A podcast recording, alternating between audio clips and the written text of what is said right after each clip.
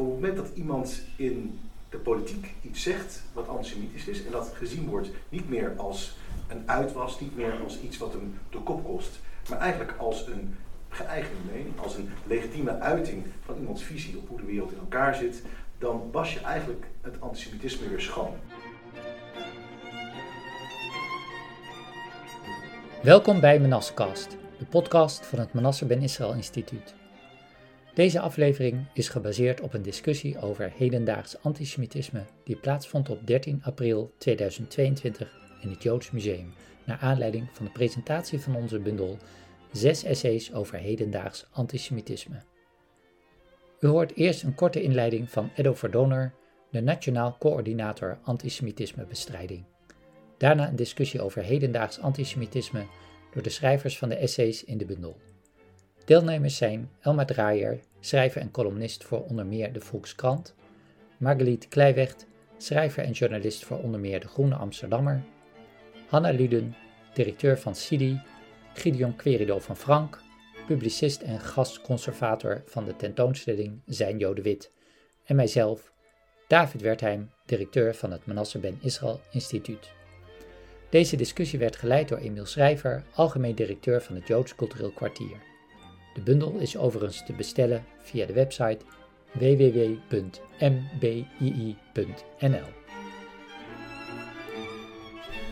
Er is een, uh, eigenlijk een stijgende trend van het aantal uitingen. Online zie je dat het echt explodeert. Je ziet dat het begin van corona, uh, maar ook de spanning in Israël vaak punten zijn uh, waar je enorme pieken ziet. Maar over het algemeen, over de afgelopen jaren, mede ook door de groei van social media, doordat het verleden van de oorlog steeds verder van ons weg hebt uh, en het verharden van het sociale debat, van de verhoudingen onderling, dat het aantal uitingen sowieso ook op lange termijn een stijging laat zien. Uh, maar wat we de laatste tijd ook gezien hebben, is dat die uitingen zich niet alleen maar meer beperken tot de privésfeer, tot bijvoorbeeld een, een, een Facebook-post, die dan niet privé is, maar eigenlijk wel vaak in een bubbel plaatsvindt, maar ook in het maatschappelijk debat weer bon ton zijn. Uh, en dan heb ik het bijvoorbeeld uh, over de politiek, waar bepaalde politieke partijen op dit moment ook niet meer schromen, en echt gekozen politici, om antisemitische dingen te zeggen. En uh, dat is extra pijnlijk, want op het moment dat iemand in de politiek iets zegt wat antisemitisch is, en dat gezien wordt niet meer als een uitwas, niet meer als iets wat hem de kop kost, maar eigenlijk als een geëigende mening, als een legitieme uiting van iemands visie op hoe de wereld in elkaar zit, dan was je eigenlijk het antisemitisme weer schoon. Dan pak je het oude kwaad en dan poets je het op en dan zet je het eigenlijk opnieuw in de etalage voor iedereen als gedachtegoed wat oké is, waar je ook mee eens kan zijn. En wat dus niet meer object is. En die laatste grens, die zijn we echt pas in de laatste 1, 2 jaar over, overheen gegaan in Nederland. En uh, ik vind dat het nog te weinig onder het voetlicht gebracht wordt. Dat komt omdat het, het is natuurlijk altijd met antisemitisme enigszins verhuld. En uh, het, wordt niet, het wordt later ontkend. Of er wordt gezegd het is een grapje. Of ik heb het zo niet bedoeld. En dan verval je al heel snel in zo'n discussie. En dan kan je het misschien net niet vervolgen. Nou, als je dan niet kan vervolgen is dat helemaal niet waar. En dan is de discussie weer weg. Maar het wordt steeds duidelijker. Je ziet dat in de landen er steeds meer opmerkingen zijn die echt onomwonden antisemitisch zijn en die echt komen van gekozen politici. En naar mijn mening gaan we daar echt weer een grens over die we in de hele naoorlogse periode nog niet hebben gezien. En dat baart mij zorgen. Wat mij betreft uh, is het daarom uh, belangrijk om alle hens aan dek te hebben en is er aandacht nodig, gericht beleid, doorzettingskracht want vrijheid en tolerantie voor iedereen, maar ook voor Joden, is een groot goed. En wat dat betreft is het ook heel passend voor uh, in Israël Instituut om daaraan aandacht te besteden. Want die tolerantie en die hang daarna, samen met de hang naar onderzoek, was juist een van de kwaliteiten van Manasseh ben Israël. En in die zin ook een van de redenen waarom hij gekozen is om dit instituut zijn naam te verlenen. Dus wat dat betreft past het ook heel mooi om hierover te schrijven. Um, en de afgelopen week mocht ik het lezen. Wat mij opviel in het boek, en ik hoop dat u het allemaal rustig kan lezen uh, na deze discussie, uh, is dat het verhalen zijn die van persoonlijk naar vakinhoudelijk gaan. Die van laconiek tot pessimistisch verschillen. En juist dat past ook bij het instituut. Die beschouwelijkheid, dat je van enige afstand en van verschillende invalshoeken een onderwerp bespreekt, het dan bundelt en ter discussie aanbiedt, dat past ook net als die tolerantie en dit onderwerp bij het instituut. Mij heeft het geleerd, en dat besefte ik me eigenlijk nadat ik het helemaal had gelezen, ehm, dat de individuele beleving van antisemitisme heel erg verschilt. Maar dat dat natuurlijk ook komt omdat het Jood zijn voor iedereen ook een andere betekenis heeft. Uh, en ook de affiniteit met het Jood zijn. En zelfs de mensen die uh, niet Jood zijn, maar heel veel voelen voor het Joodse volk. Ook die kunnen antisemitisme beleven en daar een inzicht over hebben. En juist omdat het Jodendom op zoveel verschillende manieren beleefd wordt, wordt ook het antisemitisme op zoveel verschillende manieren beleefd. En dat is natuurlijk ook een aspect wat we mee moeten nemen als we kijken naar hoe wordt antisemitisme geduid. Wat is antisemitisme en hoe beïnvloedt het de normale gang van zaken van iemands leven? Dat hangt heel erg af van de manier waarop hij die beleving van het Jodendom zelf ziet. Dat was een van de lessen die ik uit dit boekje heb geleerd. Um, het laatste punt wat ik daar eh, aan, aan wil toevoegen, eh, concluderend uit dit verhaal, is dat dus het werk van het instituut erg belangrijk is. Ik wil dus ook niet alleen maar bedanken voor dit, maar ik wil bedanken ook voor het werk wat het instituut in zijn algemeenheid doet. Want het onderzoek naar het Joods zijn, het historisch besef over wat Joden betekenen in Nederland en wat de Joodse uh, werken en de Joodse gedachten kunnen betekenen voor de samenleving, is niet alleen belangrijk voor degenen die hierin geïnteresseerd zijn. Ik geloof stellig dat antisemitisme niet alleen maar bestreden kan worden met repressie, met wijzen dat is fout. Je mag niet zeggen dat een Jood slecht is, om wie die is. Je moet ook de andere kant laten zien. Onbekend maakt onbemind. Er zijn in Nederland weinig Joden. En het is dus de bedoeling dat datgene wat we hebben aan, aan, kennis, aan erfgoed, dat we dat onderzoeken, opschrijven en verspreiden. Zodat er meer kennis komt over Jodendom in een bredere Nederlandse samenleving. Want ik geloof dat dat samen met die repressie het beste medicijn is tegen antisemitisme. Dat allemaal gezegd hebben, dan vind ik het misschien wel aardig om, om uh, even te citeren. En dus gewoon eens te kijken wie van de sprekers zich uh, geroepen voelt om daarop te, te, reageren. Vrijheid voor iedereen, zei je, maar ook voor Joden. Vind daar eens wat van. Want ik vond het een interessante uitspraak alsof het nodig zou zijn om te benoemen dat niet, niet alleen iedereen vrij moest zijn, maar Joden ook. Dat is best een aardige manier om te formuleren. Ik begrijp, ik begrijp ook waar je vandaan komt. Nou, ik eerlijk gezegd niet, maar dat ligt ongetwijfeld aan mij. Want ik, ik toch bloody obvious, toch? Ik bedoel, het is zo evident uh, dat het zo is. Dus ik, ik, ik snapte eigenlijk niet zo goed waarom dat speciaal, zoals het dan modern heet, benoemd moest worden. Dat lijkt me zo evident. Maar misschien een van de anderen aan tafel kan dat uh, uitleggen. Ja. Ik, uh, ik denk dat ik begrijp wat uh, Ed ook doet, althans ik geef daar mijn eigen interpretatie op. En dat is dat wij merken dat er uh, te veel mensen zijn die tegen ons vertellen dat ze niet durven uit te komen voor het feit dat ze Jood zijn. Dat ze uh, op hun werk en op hun zaak en op school gewoon liever hebben dat mensen niet weten dat ze Jood zijn. Dus in die zin ben je niet vrij. Dus dat is mijn interpretatie van deze uitspraak. Margaliet, ik, ik, haalde jou naar binnen als iemand die, die, die in ieder geval familiegeschiedenis beschrijft waarin de Joodse identiteit en ik kan me het citaat amateurjood herinneren uh, van je broer, waarbij ik zelf uh, altijd zeg ik ben beroepsjood. Uh, dat is ook wel een leuke, leuke tegenstelling. Hoe, zie, hoe zie jij dit feit? Is het nodig om je als Jood nog, nog apart te, om nog die Joodse identiteit apart te benoemen als een partij die, die recht zou hebben op een gelijke behandeling. Ik, ik chargeer nu even, dat voor wat duidelijk. Ja, dat, ja, dat chargeren, dat chargeren maakt het ook lastig, vind ik. Okay. Dat, uh, want dan zou ik meteen de bal willen doorspelen uh, naar mijn buurman hier. Uh, Goeie vraag. Die, ja, goed, dat is, dat is iets anders wat hij zegt natuurlijk in, in zijn stuk. Hij ik ga het gewoon even voorlezen en dan kom ik terug op je vraag hoor. Maar hij heeft een hele, hele prikkelende einde van zijn. De laatste zin van het uh, verhaal van David is: Te vaak is het verwijt van antisemitisme een excuus om niet meer na te hoeven denken. En dat mag het niet zijn. Ik hoop dat we daar nog op terugkomen, want ik kou daar nog de hele tijd op. En dat vind ik een heel. Uh, wat dat is het ingewikkelde. Ja, ik, wat, wat moet ik erop zeggen? Uh, natuurlijk moeten Joden vrij zijn. En, en het is zeker zo dat mensen er vaak niet voor durven uitkomen. Dat is ellendig. Um, eh, ik denk dat ik ben groot geworden. Ik ben natuurlijk de oudste in het gezelschap. In een tijd dat het. eh, kijk, ik denk dat de situatie bij mij was anders. Mijn moeder was beroemd. Het is heel lang geleden, jongens. Maar iedereen wist dat zij Joods was. Dus wij kregen ook antisemitische reacties thuis. Dus mijn broer en ik gingen daarop reageren. Die, en, en daarbij moeder had, daar, eh, eh, had een hele problematische relatie met haar Jood zijn. Ik denk als je geen problematische relatie hebt met je Jood zijn, dan zou ik hopen dat er ook mensen zijn die gewoon zeggen, ja ik ben Jood. Bijvoorbeeld jij. nou ja, dat suggereer je in jouw stuk. Je zegt ook in je stuk dat je niet veel last hebt van antisemitisme. Dat je soms denkt, god, is het niet een beetje overdreven allemaal? Nu, hè, nu, eh, Dat meteen maar de kluppel in het hoen erop. Ja. Nou ja, maar dat, dat is natuurlijk mijn, mijn, dat is mijn wel, mijn, mijn Ja, persoonlijke ervaring. Maar daar vraagt Emiel naar. Ik, ik heb niet veel persoonlijke ernstige ervaringen met antisemitisme. Wel enkele, maar, maar eigenlijk niet genoeg om op te noemen. Dat betekent niet dat andere mensen dat misschien. Nee, maar de vraag Ja. van Emiel is, is het voor jou is het een probleem om te zeggen dat je Joods bent? Niet omdat ik bang ben voor antisemitisme.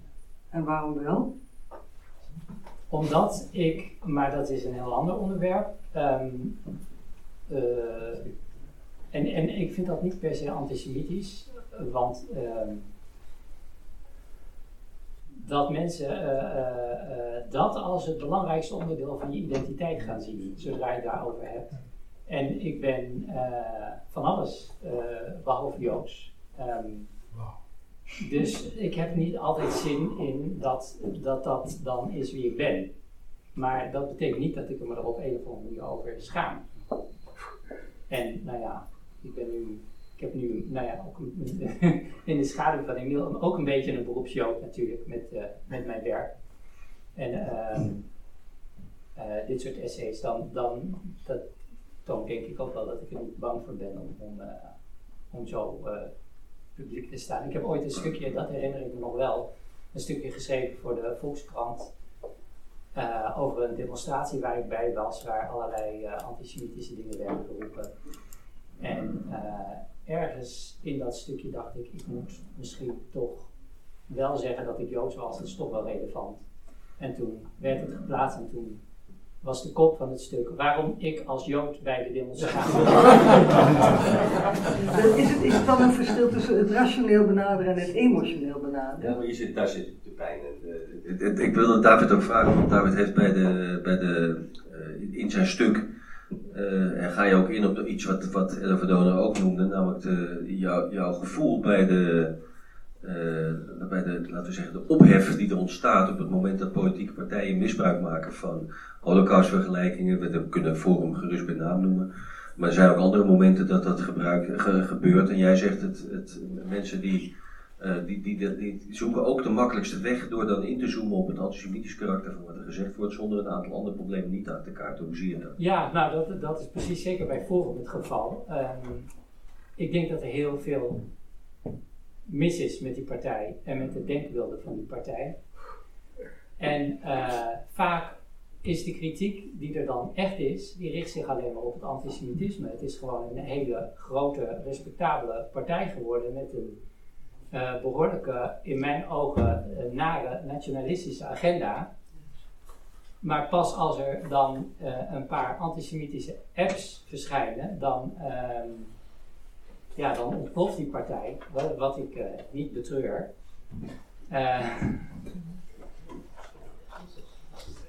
Maar, ehm, maar daardoor is het risico wel, en dat, nou het stuk heb ik dan eh, specifiek over eh, wat ze in de, eh, in de corona-discussie inbrachten.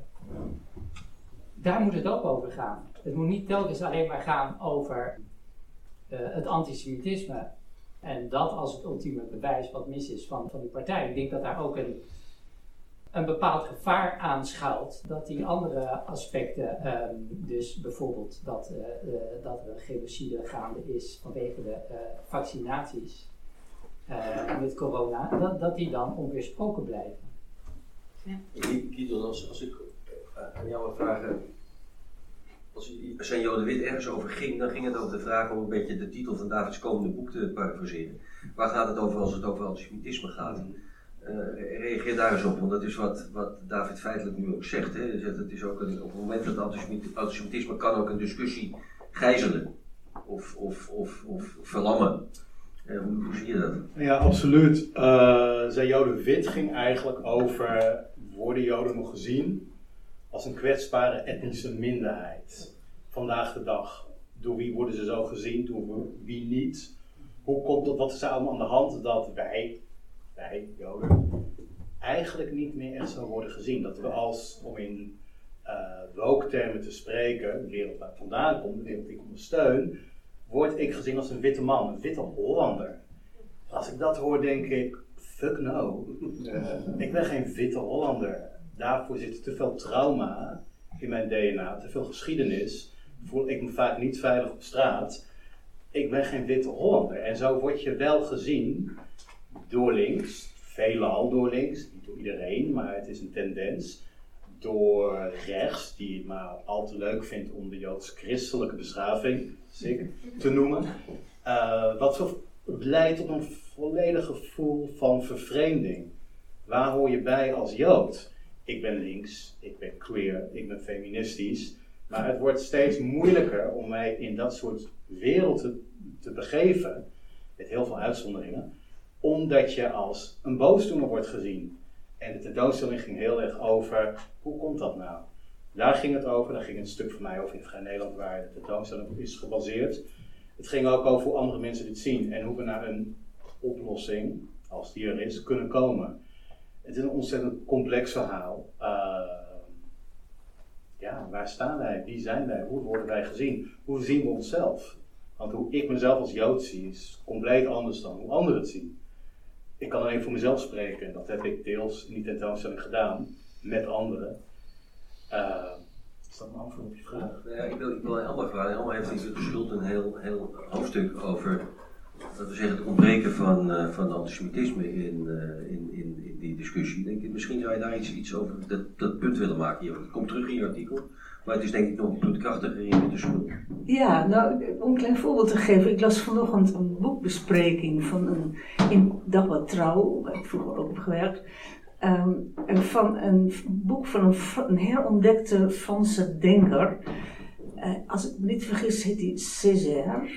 Emile Césaire.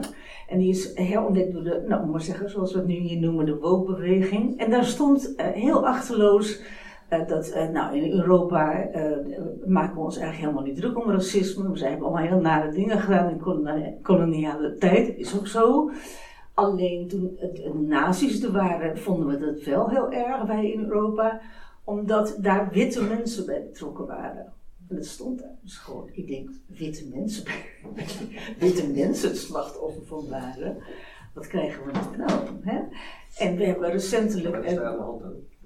Nou, dat, dat is de beantwoording van de vraag die in de tentoonstelling is gesteld. Inderdaad, zijn. Dat staat er dus in een gewone modale krant, staat daar de, nazi's hadden heel veel tegen op andere witte mensen.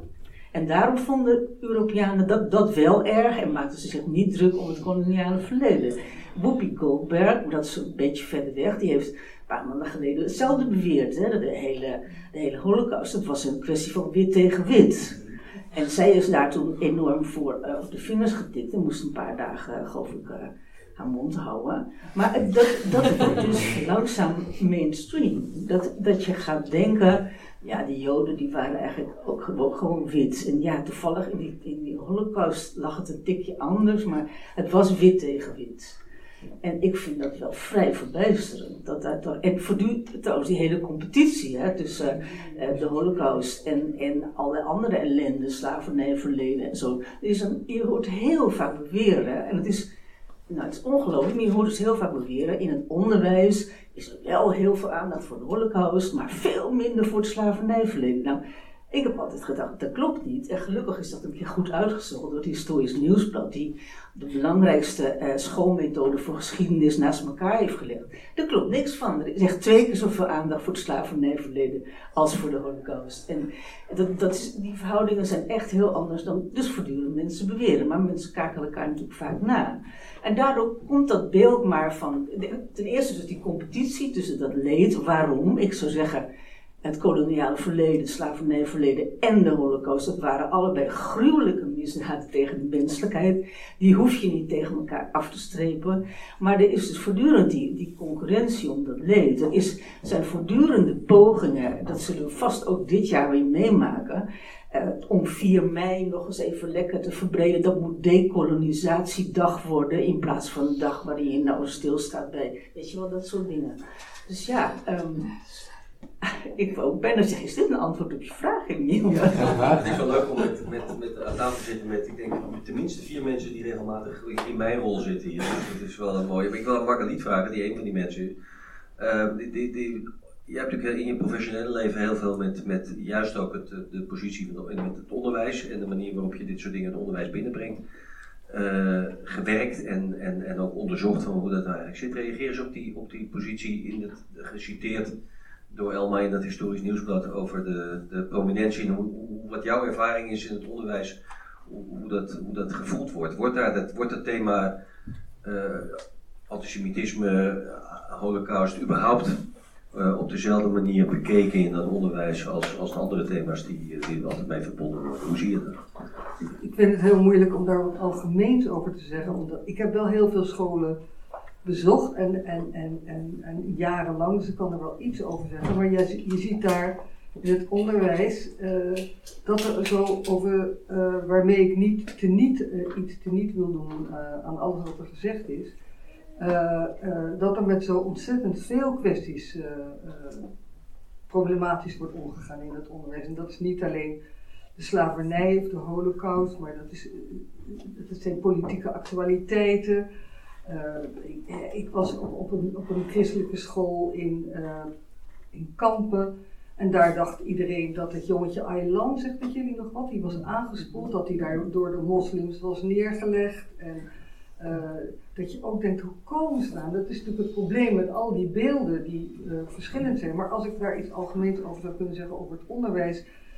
Ehm, en het is misschien ook mijn stille hoop dat, dat die woke-beweging toch een vorm, ga jij misschien nog wat over zeggen, van iemand, dat er ook een vorm van emancipatie achter zit. En dat gaat van oud en dat gaat overdreven en soms ook uh, tot in het absurde toe, zoals Elma net heeft uh, mooie uh, voorbeelden van heeft laten zien. Maar dat ik toch, zeker bij, zeg maar, waar dan met name jonge moslims, waar ik vaak de scholen binnen ging, dat ik daar wel een ontwikkeling in heb gezien. Ik heb tot 25 jaar volg ik dat al, achterlijk lang natuurlijk. Maar goed, uh, dat je wel ziet dat er, en niet bij iedereen, maar dat er zeker bij de jonge mensen die intellectueler zijn, die verder komen in het onderwijs, die raken daar nieuwsgierig naar, die gaan daar wat mee doen. En dat wordt ook soms in het gewone leven, is dat gewoon niet zo onrustbarend als je zou denken. Er is ook zeker nog veel antisemitisme in die, uh, in die klassen, in die groeperingen. Maar ik kan nu mensen bellen uh, van, goh, uh, ik, ik, weet een heel mooi voorbeeld dat ik uh, iets moest doen in de, bij de kristalnachtherdenking in de vlogen. Dat ik daar ineens waarvan mijn makkers binnen zag lopen met zo'n kalotje op hun hoofd. Die kwamen maar eens kijken wat dat was, die kristalnachtherdenking, in de shoe. Nou, ben ik snel, kinderhand is gauw gevuld. Ik vond het echt fantastisch dat ze dat eigenerbeweging hadden gedaan. En uh, daarna hebben we het natuurlijk over gehad. Dat was twintig jaar geleden ondenkbaar. Dus het gaat moeizaam, het gaat langzaam, maar er gebeurt wel iets. En ik, ja, die, die woonbeweging is ja, voor mij, uh, ja, wat jij zegt, waar wil je dan eigenlijk wel bij horen, wil ik nog vragen. Die heeft, heeft Gideon uh, zo mooi verwoord en Elma ook in hun essays en in de tentoonstelling. Uh, maar dat is, dat is natuurlijk niet, het niet alleen. En dat maakt het ook ingewikkeld, dat het zo ingewikkeld en complex is. En ik heb inderdaad meer de neiging van nature, als ik in een niet-Joodse omgeving ben, dan, en iemand zegt antisemitisme eh, is, ach dat is flauwkul, dat ik dan enorm ga blazen. En als ik in een Joodse omgeving ben, dan zeg ik, "Sst, ga ik op die rem, hè. Oh. Ja, Ik, ik, wil wel benieuwd, ik wou eerst even vraag. want Er is natuurlijk een aantal aannames over wat er met, met antisemitisme aan de gang is. Terwijl jullie vanuit het CITI al heel lang monitoren. En eh, eh, nou, bijvoorbeeld het feit dat die, nou, dat die een aantal dingen absoluut op, op, op scherp gezet heeft. Dat het interessant is om die, eh, en, ook, en ook ontluisterend is om te kijken wat de positie is van antisemitisme in dat, in dat debat. Maar in hoeverre is, en, en het gevoel wat we allemaal hebben van er, is, er zijn meer publieke uitingen van antisemitisme.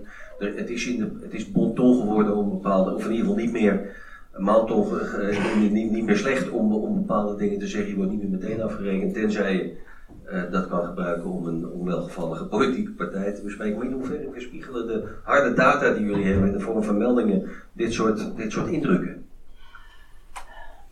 Ja, het is moeilijk te zeggen. Ik kan natuurlijk geen absoluut getal geven van zoveel incidenten zijn er in Nederland geweest. Maar we zien wel een stijging in het aantal incidenten die wij vanaf 82 eh, registreren. Dus die stijging is er wel. We kunnen ook eh, trends zien. Eh, eh, en doornoemde politiek, wij signaleerden het nog eerder dan twee jaar geleden.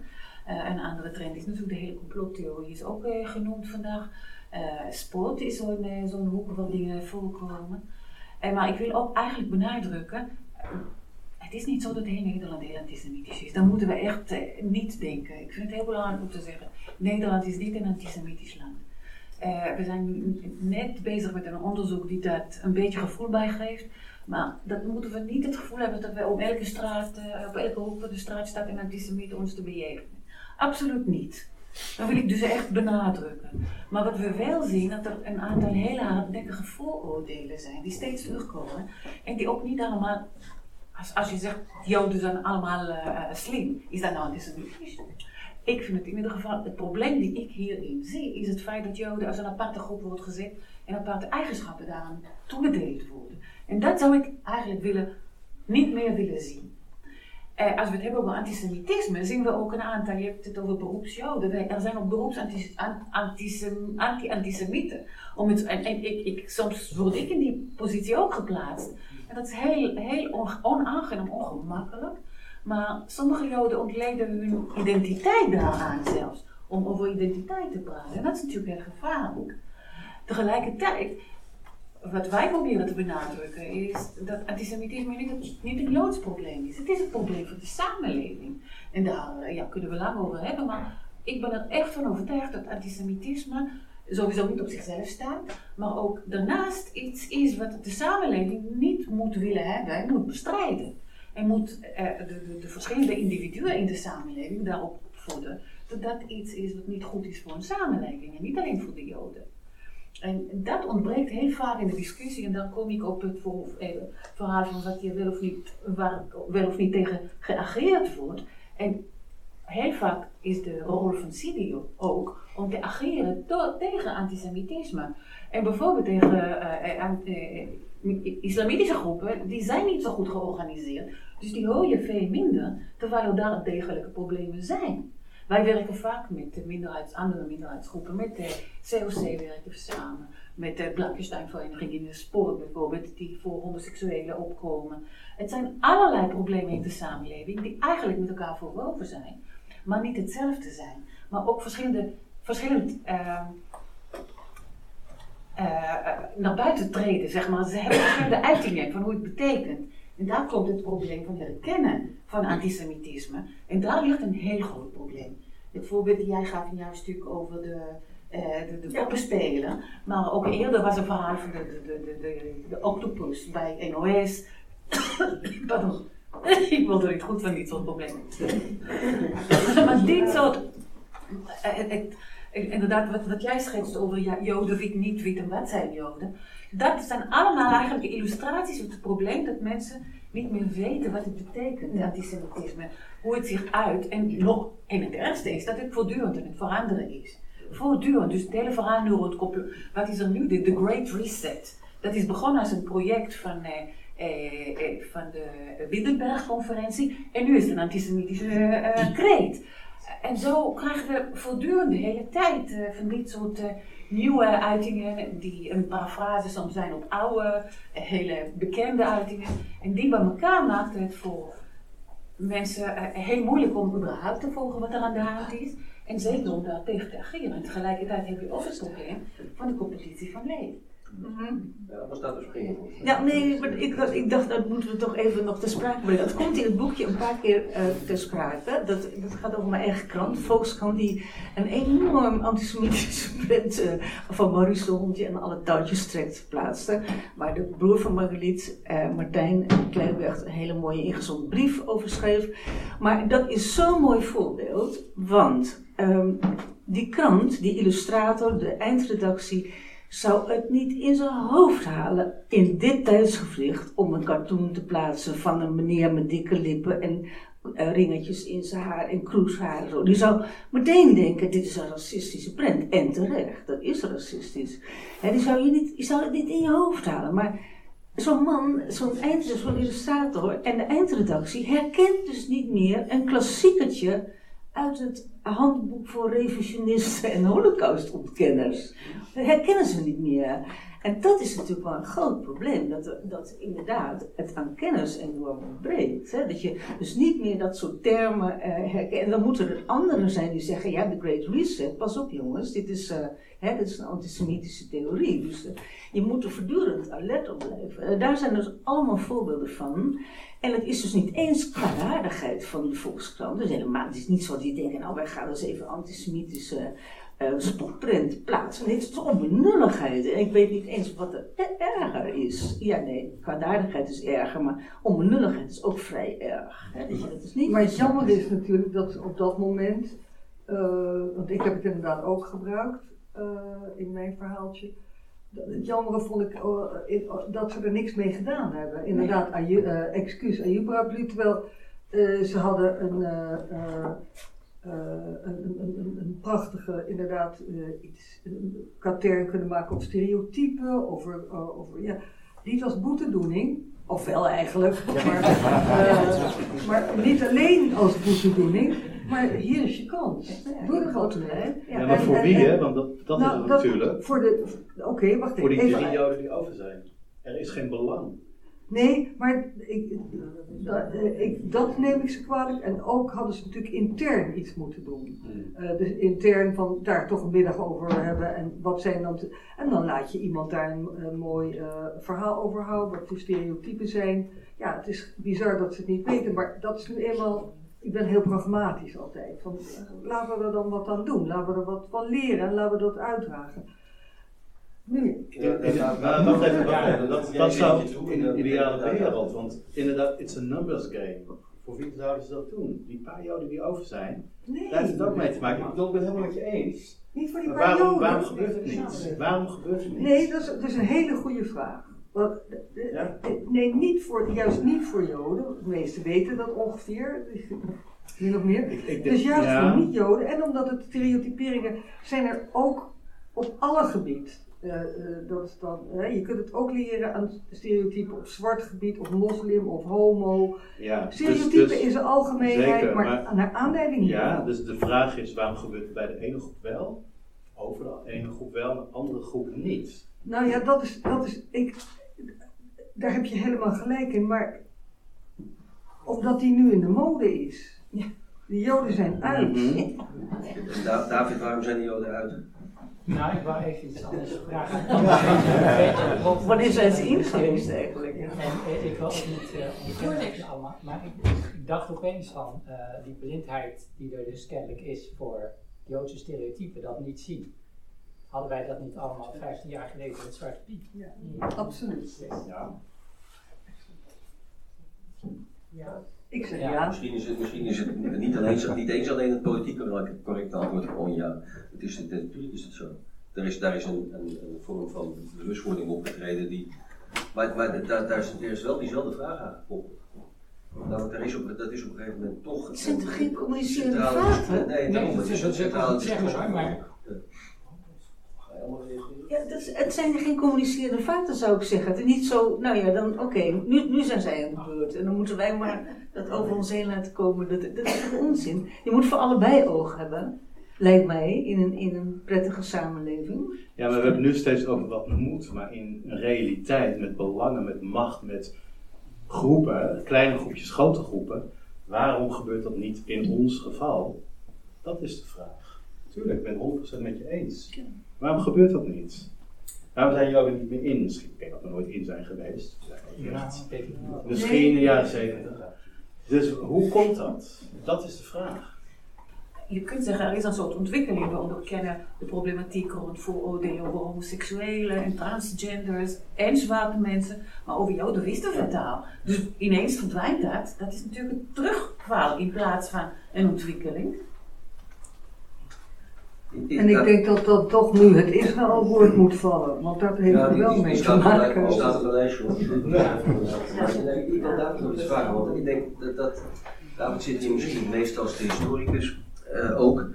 Eh, is het antisemitisme waar wij het nu over hebben, is dat iets anders dan het, histori- dan het historische antisemitisme dat we met z'n allen al die jaren bespreken en dat, laten we zeggen, mainstream geworden Ja. is in het, in het discours? Ik denk Is dit dat, het anders? dat, dat er grote verschillen zijn tussen. eh, maar goed, dat, eh, dit, dit, dit- dit- ik heb wel een historische achtergrond, maar dat betekent niet dat, eh, Dat ik de waarheid in pacht heb.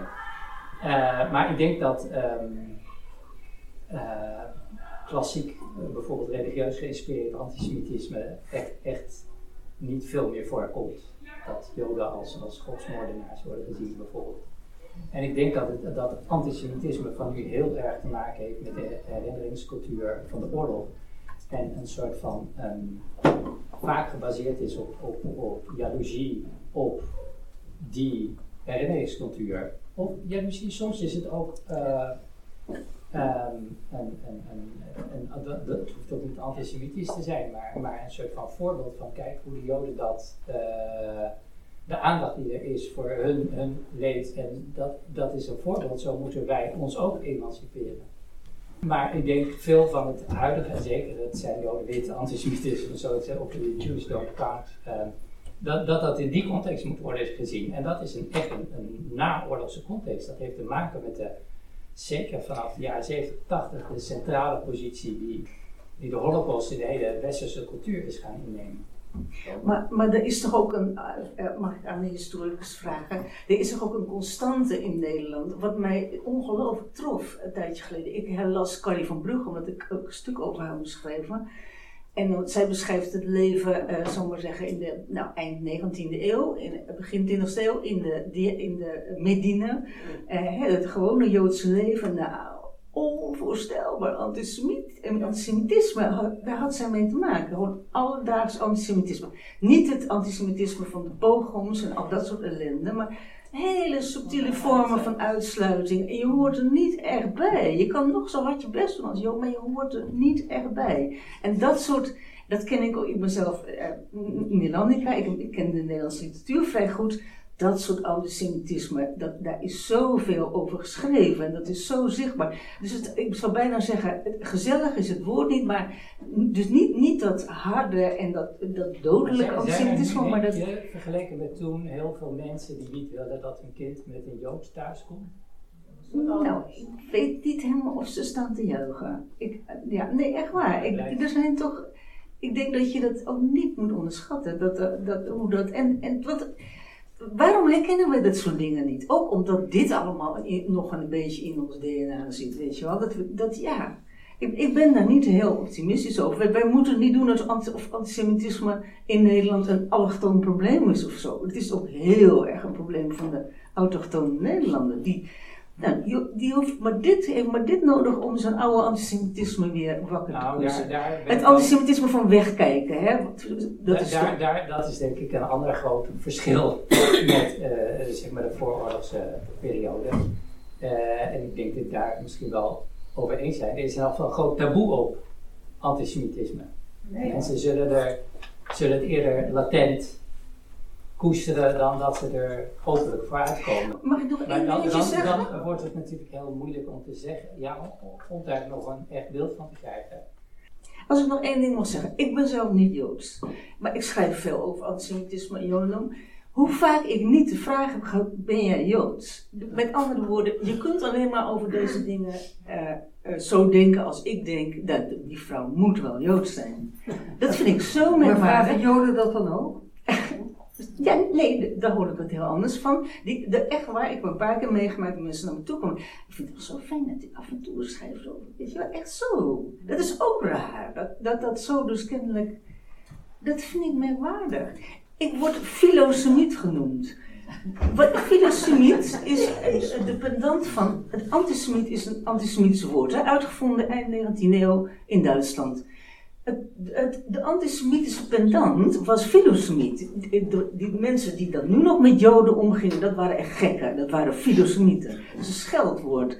Nu is dat een heel normaal woord. Om iemand weg te zetten die dus niet... En je hoort bijvoorbeeld nooit iemand die zich voor... Die, die schrijft over de Koerdische zaak of wat dan ook. Geen filo-Koerd. Maar gek genoeg, als je over joden schrijft, ben je een filosemiet. Als scheldwoord. Nee, ik, ik, ik moet zeggen dat ik in mijn eigen praktijk, wij, wij zijn natuurlijk met het, met het museum en met het Joods Cultureel heel actief altijd op zoek naar fondsen.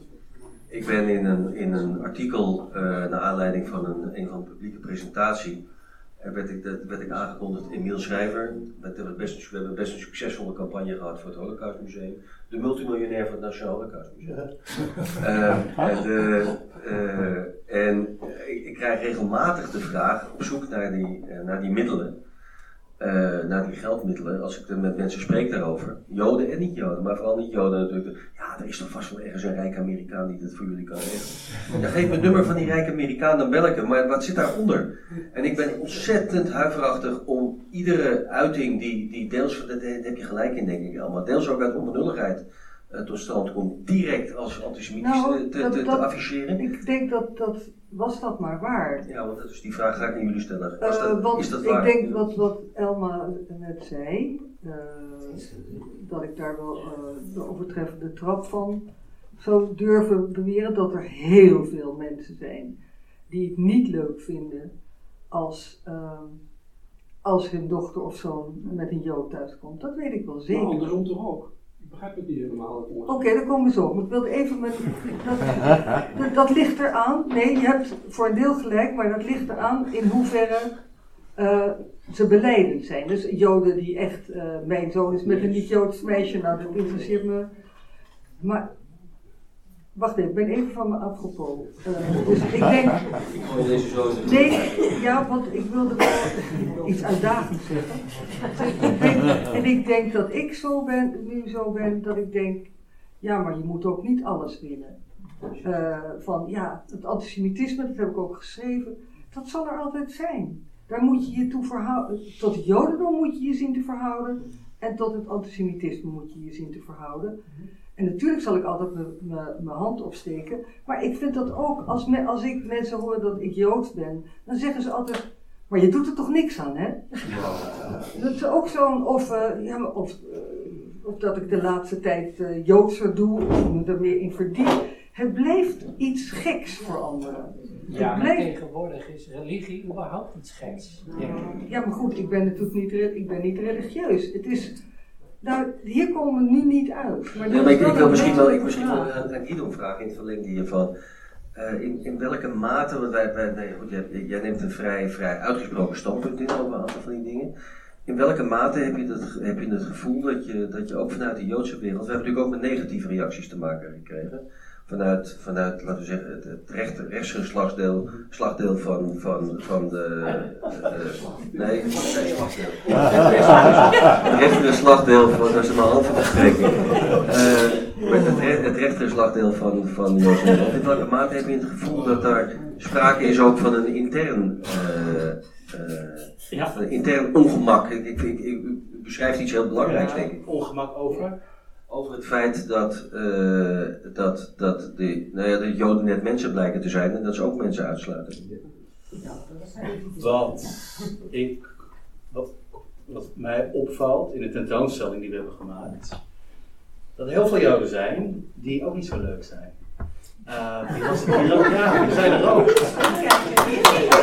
Nee, dat is. Eh, hele racistische joden. Hele homofobe of transfobe joden. Hele eh, rare joden. En dan hadden we die tentoonstelling. En die zeiden ook hele rare dingen van, ja, je wel, het hele is onzin. Ja, die zwarte, die, die, die, nou ja, ik zal het allemaal niet herhalen. Maar je merkt, natuurlijk er zijn net mensen, eh, het gaat over angst.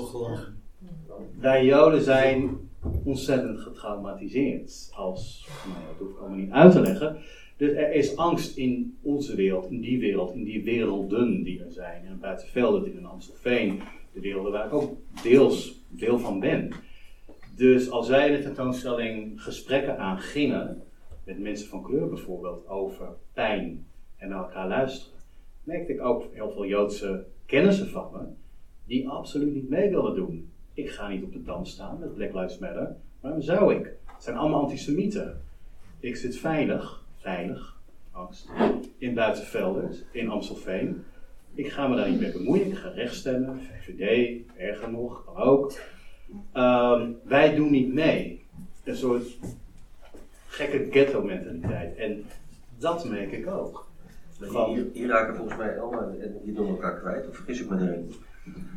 Nee, nee, Nee. dat, dat, dat zal het zo zijn. Ja. Dat, natuurlijk zijn er mensen, ja. Dat, eh, het- het- het- wat ik dan weer moeilijk vind, is dat dan, daar kan al snel iets achter schemeren van, juist Joden zouden beter moeten weten. Dat, dus zeg maar, alles wat er ooit gebeurd is ja, ja, tegen Joden, dat, dat was een morele, eh, bedoeld als morele heropvoeding. Zodat Joden dat, dat allemaal kunnen, weet je. Ja, Het zijn natuurlijk, het zijn inderdaad, nou, wat jij zegt, het zijn net mensen.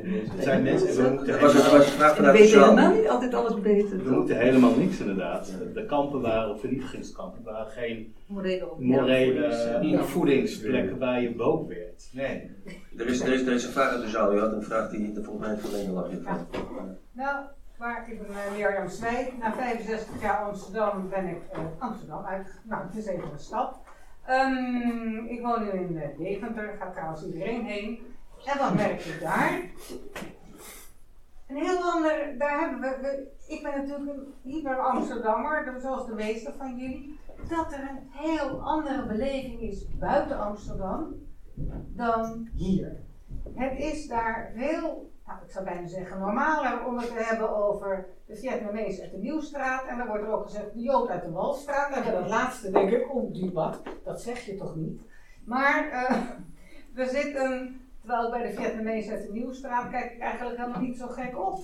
Um, dat is echt heel gek. En daar, ik vraag mij af of jullie ook, ja ik was me er niet van bewust, of mensen zich ervan bewust is, dat dat misschien buiten Amsterdam wel eens een heel ander andere beleving kan Maar- zijn, een ander perspectief. Ik, Geen zit, zit, zit, zit er een verschil tussen de, de Vietnamezen in de, in de willekeurige staat in Deventer en de Israëli in de wille- willekeurige staat in Deventer? Dus de nationaliteit. Ik bedoel, het is natuurlijk de complexiteit van de Joodse identiteit.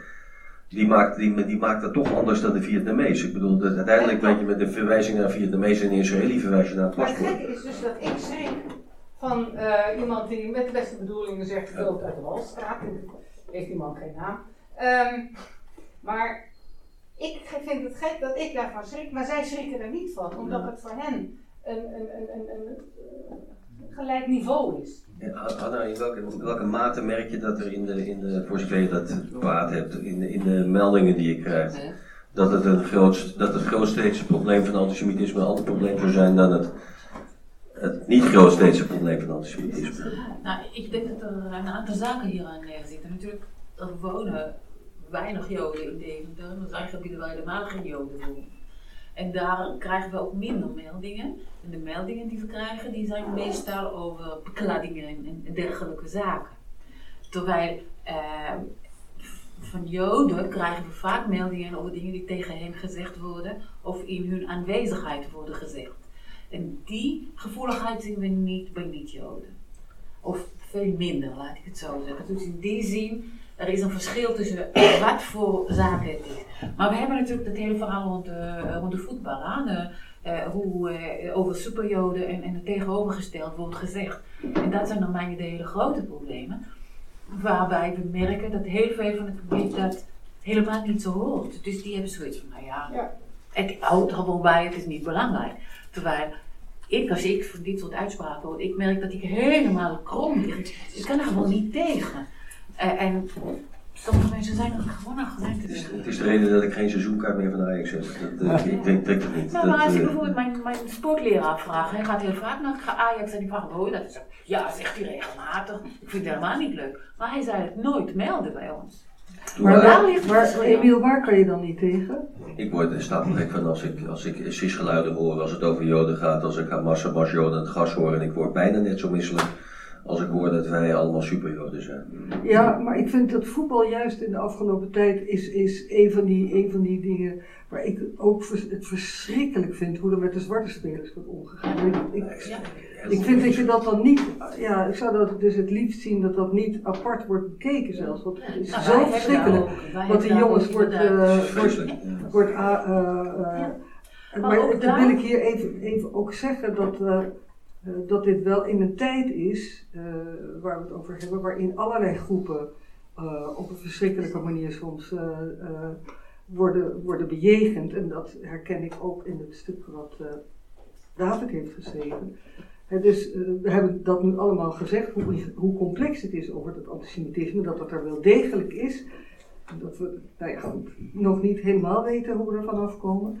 Hè, maar dat we in een tijdsgebied zitten waar we ook solidair kunnen zijn. Ik in ieder geval, mij solidair voel. Ondanks wat de prachtige manier waarop jij dat hebt eh, vormgegeven over die specifieke groep. Met eh, die, die ja, de dingen die in het voetbalstadion gebeuren. En, en elders, de kind- jonge mensen die geen baan krijgen om een achternaam. Waar ik heel vaak mee te maken heb. Wat, waar ik ook heel geëmotioneerd van kan raken. Jij benoemde, ik denk dat, dat, dat we dat allemaal.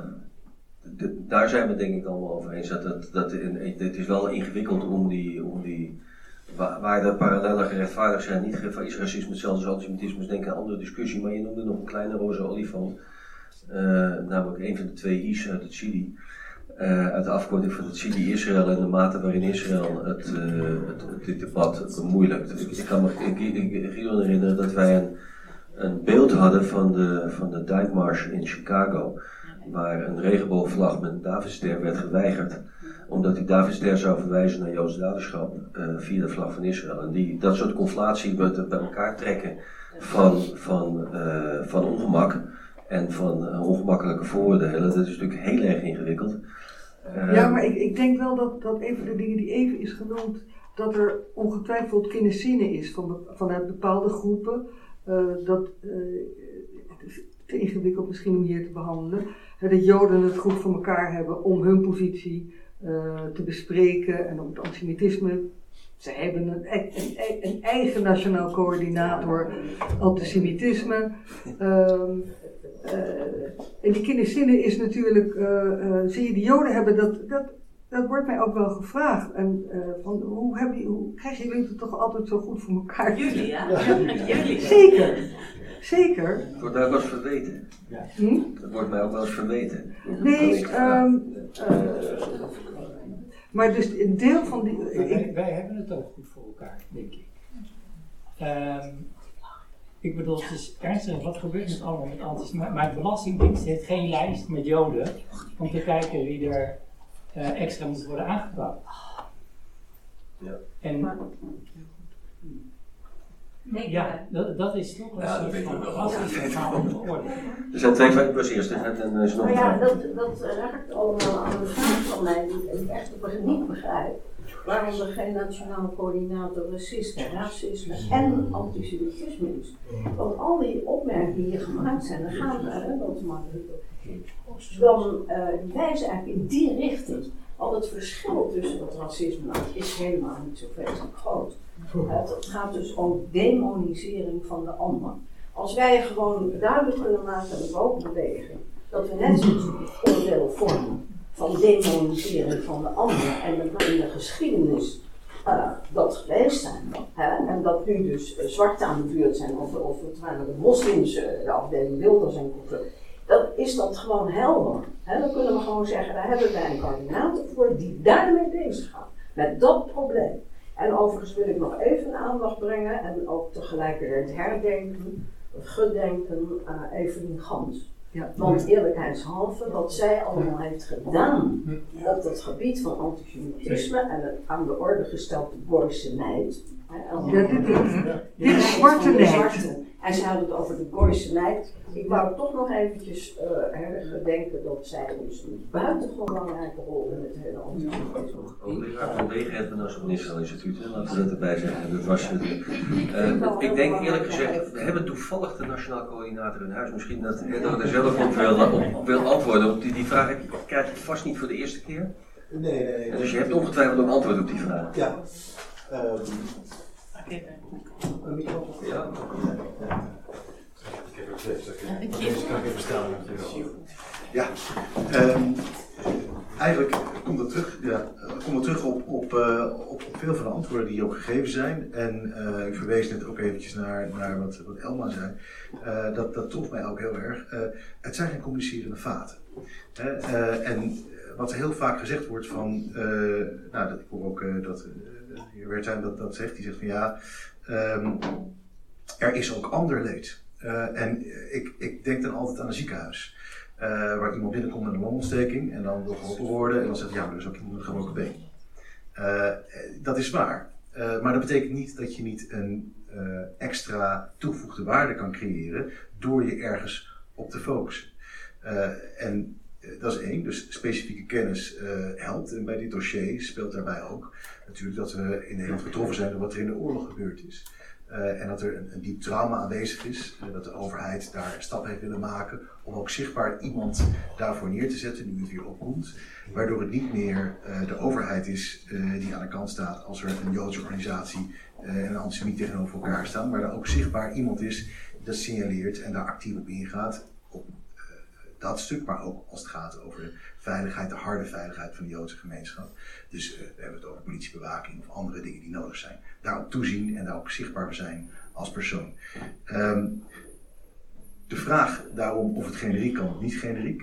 Ik denk dat dat eigenlijk hetzelfde is in, in bijna elk veld. Je kunt eh, eh, dingen generiek aanpakken. En er is ook een samenwerking tussen moment de NCDR en, en de NCAB. We hebben, allerlei vlakken werk je samen. En dat hoort ook zo. Eh, sorry, de Nationaal Coördinator Discriminatie en Racisme, mijn collega uh, Rabin. Ehm, en, en, en, hij is bezig bijvoorbeeld met de zaken zoals uh, het, het, solliciteren, anoniem solliciteren, heeft zich bijvoorbeeld afgelopen week over uitgelaten. Uh, over echt systeemracisme. En ja, dat is heel goed gezegd ook. Dat is iets waar Joden dan weer op dit moment geen last van hebben, of, of relatief weinig. Uh, het is in ieder geval niet een, een, een heel majeur issue. Um, maar juist dat muterende virus van het antisemitisme dat elke keer weer opkomt in allerlei vormen. En wat ook heel vaak een kanarie in een kolenmijn is, voor ander breder leed, ook op het gebied van uh, hoe mensen tegenover elkaar staan. Ja, dat is weer specifiek antisemitisme. Uh, dus het, het, kan ook naast elkaar bestaan. Het is, je kunt maar, alles. Maar, maar het, het, het, gaat om vooroordelen, waar jij het ook over had. Uh, en en, en het, het bestrijden, of ja, je kan het niet bestrijden, maar vooroordelen behandelen in de klas, net als die, uh, die spotprint waar we het eerder over hadden van Maurice de Hond. Dus het is toch een vorm, dus is een lerares in mij verloren gegaan, toch een vorm van educatie. Ja. Kunnen jullie dat niet samen doen? Dat, dat gebeurt ook. Uh, en, en, maar ook over die vooroordelen. Uh, ik vond het een hele mooie discussie. is het nou zo dat, eh, dat je het algemeen moet trekken? Of is het zo dat je moet zeggen, omwille wat er, want dat is natuurlijk de, de grote olifant in de kamer, omwille wat er gebeurd is in de oorlog, in dit land, uh, op deze plek waar we nu bijeenkomen, waar vroeger Joden wonen die niet meer zijn, moeten we daarom, hebben we daarom speciale verantwoordelijkheid. En is hetgene wat er gebeurd is ook een, uh, een les voor alle andere vormen van vooroordelen? En moeten we daarom extra letten als zoiets, uh, extra opletten als zoiets in de krant uh, voorkomt. Hè? Met daarbij dus ook weer het effect dat dat dan ook eigenlijk voor heel veel andere minderheden een, een positief effect heeft. En ik denk dat dat natuurlijk is hoe daar in het verleden heel erg naar, naar gekeken is. Hè? Discrimineer niet. ook toen Pim Fortuyn opkwam. ik kan me herinneren dat heel veel Joden zeiden toen: van ja, maar wat je daar zegt, stel je voor, ze zouden het over de Joden zeggen. En dat dat een van de redenen was toen, en nu, nu is wat hij zei eigenlijk uh, gemeengoed geworden, dat is helemaal niet meer zo, zo rechts, maar, maar toen was dat uh, heel erg op. En toen was het eigenlijk zo dat de voorbeeldfunctie die vanuit de Joden kwam, heel erg geprojecteerd werd op andere minderheidsgroepen. Ehm, en ik denk nog steeds dat hoe wij onszelf zien in Nederland, het goed en kwaad wat we zien, dat het heel erg door de oorlog wordt ingegeven in, in ons moderne morele besef. Dat soldaat van Oranje ons eigenlijk meer vormt over wat goed en fout is dan de theorie over ethische uh, theorieën. Ik denk dat uh, daarom ook het antisemitisme vaak, de kolenmijn een voorbeeld, gezamenlijk erfgoed, ik denk dat het een les is voor een ieder. En alles wat je doet, uh, moet altijd op effectiviteit zijn en moet dus ook breder getrokken worden. Dus nogmaals, die vooroordelen, de aanpak daarvan, die wordt ook breed aangepakt. Maar dat betekent niet dat je niet door hier specifiek aandacht te besteden en door ook het verleden van Nederland daarin mee te nemen, daar een extra positief effect aan kan. Ik zie een praktisch probleem. Het is namelijk dat afgesproken dat een kwart voor vier zou stoppen. Ik heb drie mensen welwillend toegeknikt dat ik, dat ik ze het woord zou geven. Uh, ik, ik, ik, vrees dat dat bijna niet meer, uh, bijna niet meer gaat lukken, want we hebben ook nog een, een borrel. En als ik de mate van verdroging zie die zich voltrekt onder, onder invloed van het problematische klimaat, dan stel ik voor dat we het allemaal doen. Ik, dus ik stel voor dat zijn, misschien dat ja, u, u, u, steekt nog een keer uw hand op, dus u wilt vast nog wat zeggen. Dan geef ik u de gelegenheid. Dan, dan moeten de andere twee mij verontschuldigen dat ik.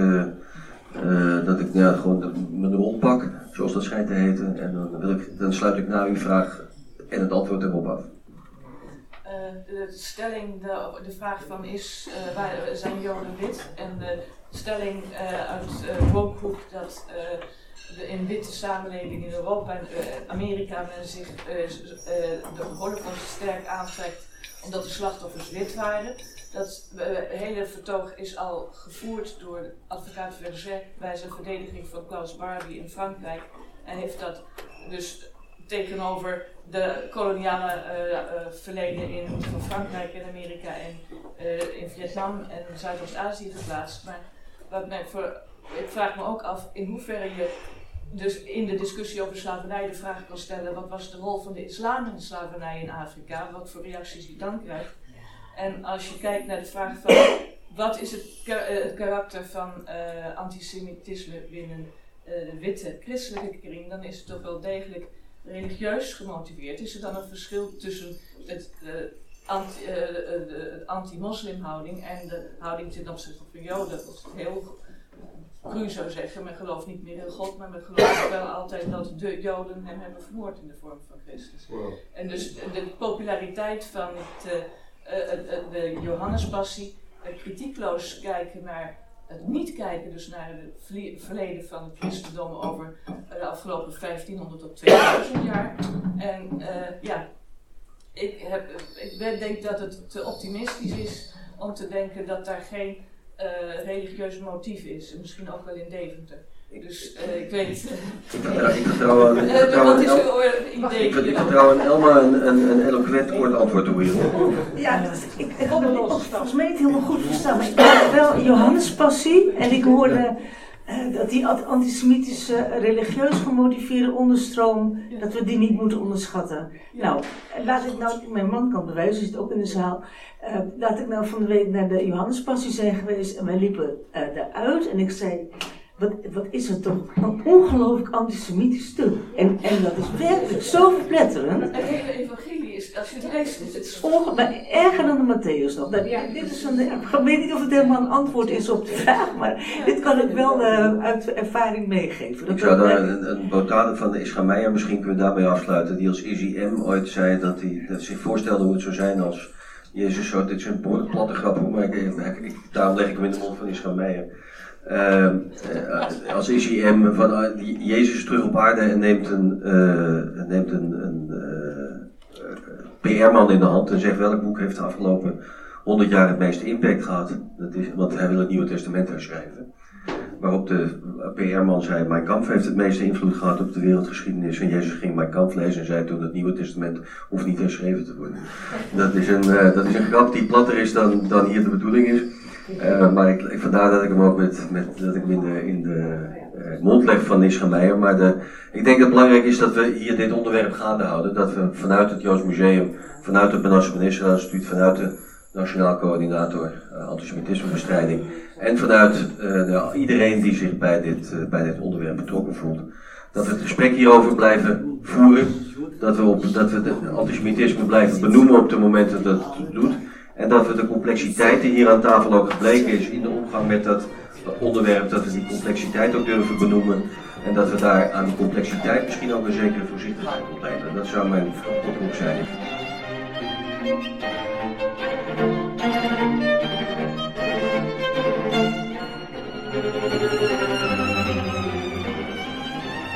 U luisterde naar een discussie over hedendaags antisemitisme, gehouden in het Joods Museum op 13 april 2022, naar aanleiding van de verschijning van de bundel Zes essays over hedendaags antisemitisme.